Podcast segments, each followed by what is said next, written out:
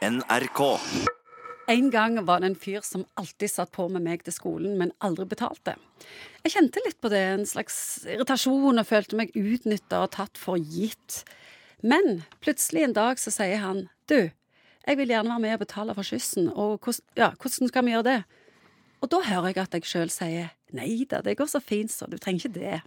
Psykolog Egon Hagen, hva skjedde der? Ja, du, trengte vel egentlig bare at han kvitterte ut og satte pris på at han fikk sitte på med deg. Gesten kom. Gesten kom, og det smørte liksom alle den tannhjula i, i den situasjonen. Det handla ikke om penger, men det handla om at han kvitterte ut at du faktisk ga noe, nemlig at han fikk sitte på.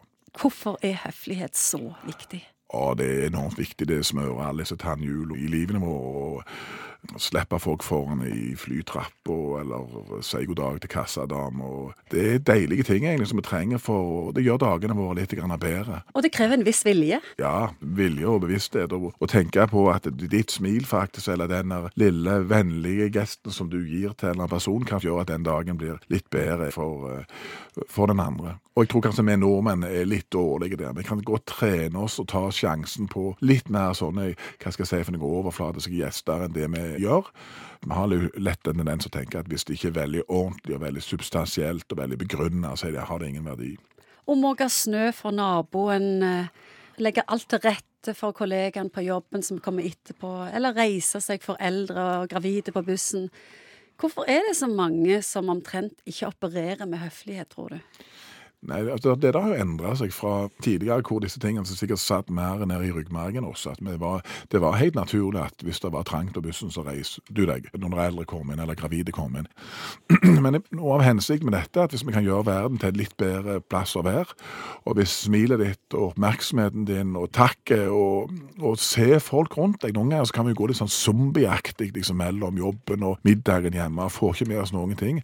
Men å løfte blikket der og se at der sitter det faktisk en dame bak det kassaapparatet der, og hvordan kan du gjøre hennes dag kjekkere? At vi hilser på hverandre. og og Jeg tror det er mange sånne ting som vi kan bli bedre på. Jeg har sett at folk er flinkere å være høflige med hverandre når de er i nærheten av hverandre, i umiddelbar nærhet. Men med en gang du har en bil og et eh, karosseri imellom, eller du sitter bak en PC, da skjer det et eller annet med høfligheten.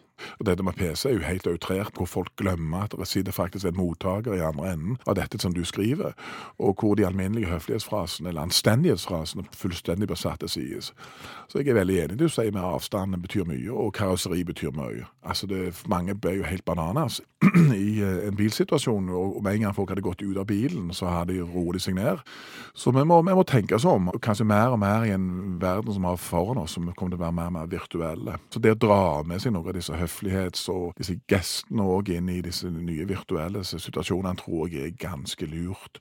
Og nå ser vi faktisk at vi begynner å stramme til litt. Grann. Altså det, redaktører tar større ansvar for kommentarfelter. Jeg ser at admin på ulike grupper kjører mye hardere, vil ikke ha disse kranglefolka inne.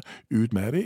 Enten be good og be gone. Og sånn tror jeg òg det må være innenfor en del av disse virtuelle møteplassene. at krav til anstendighet, og at du har OK gester i forhold til andre, det vil bli en forventning. Jeg leste en gang at en persons storhet ligger i de små detaljene, og ikke gjennom grandiose handlinger. Ja, Det er jeg veldig enig i. Så det er en oppfordring alle oss der ute om å bli flinkere til å se hverandre og prøve den lille finten som skal til for at den du har i bussetet ved siden av deg, kanskje får en litt bedre dag. NRK.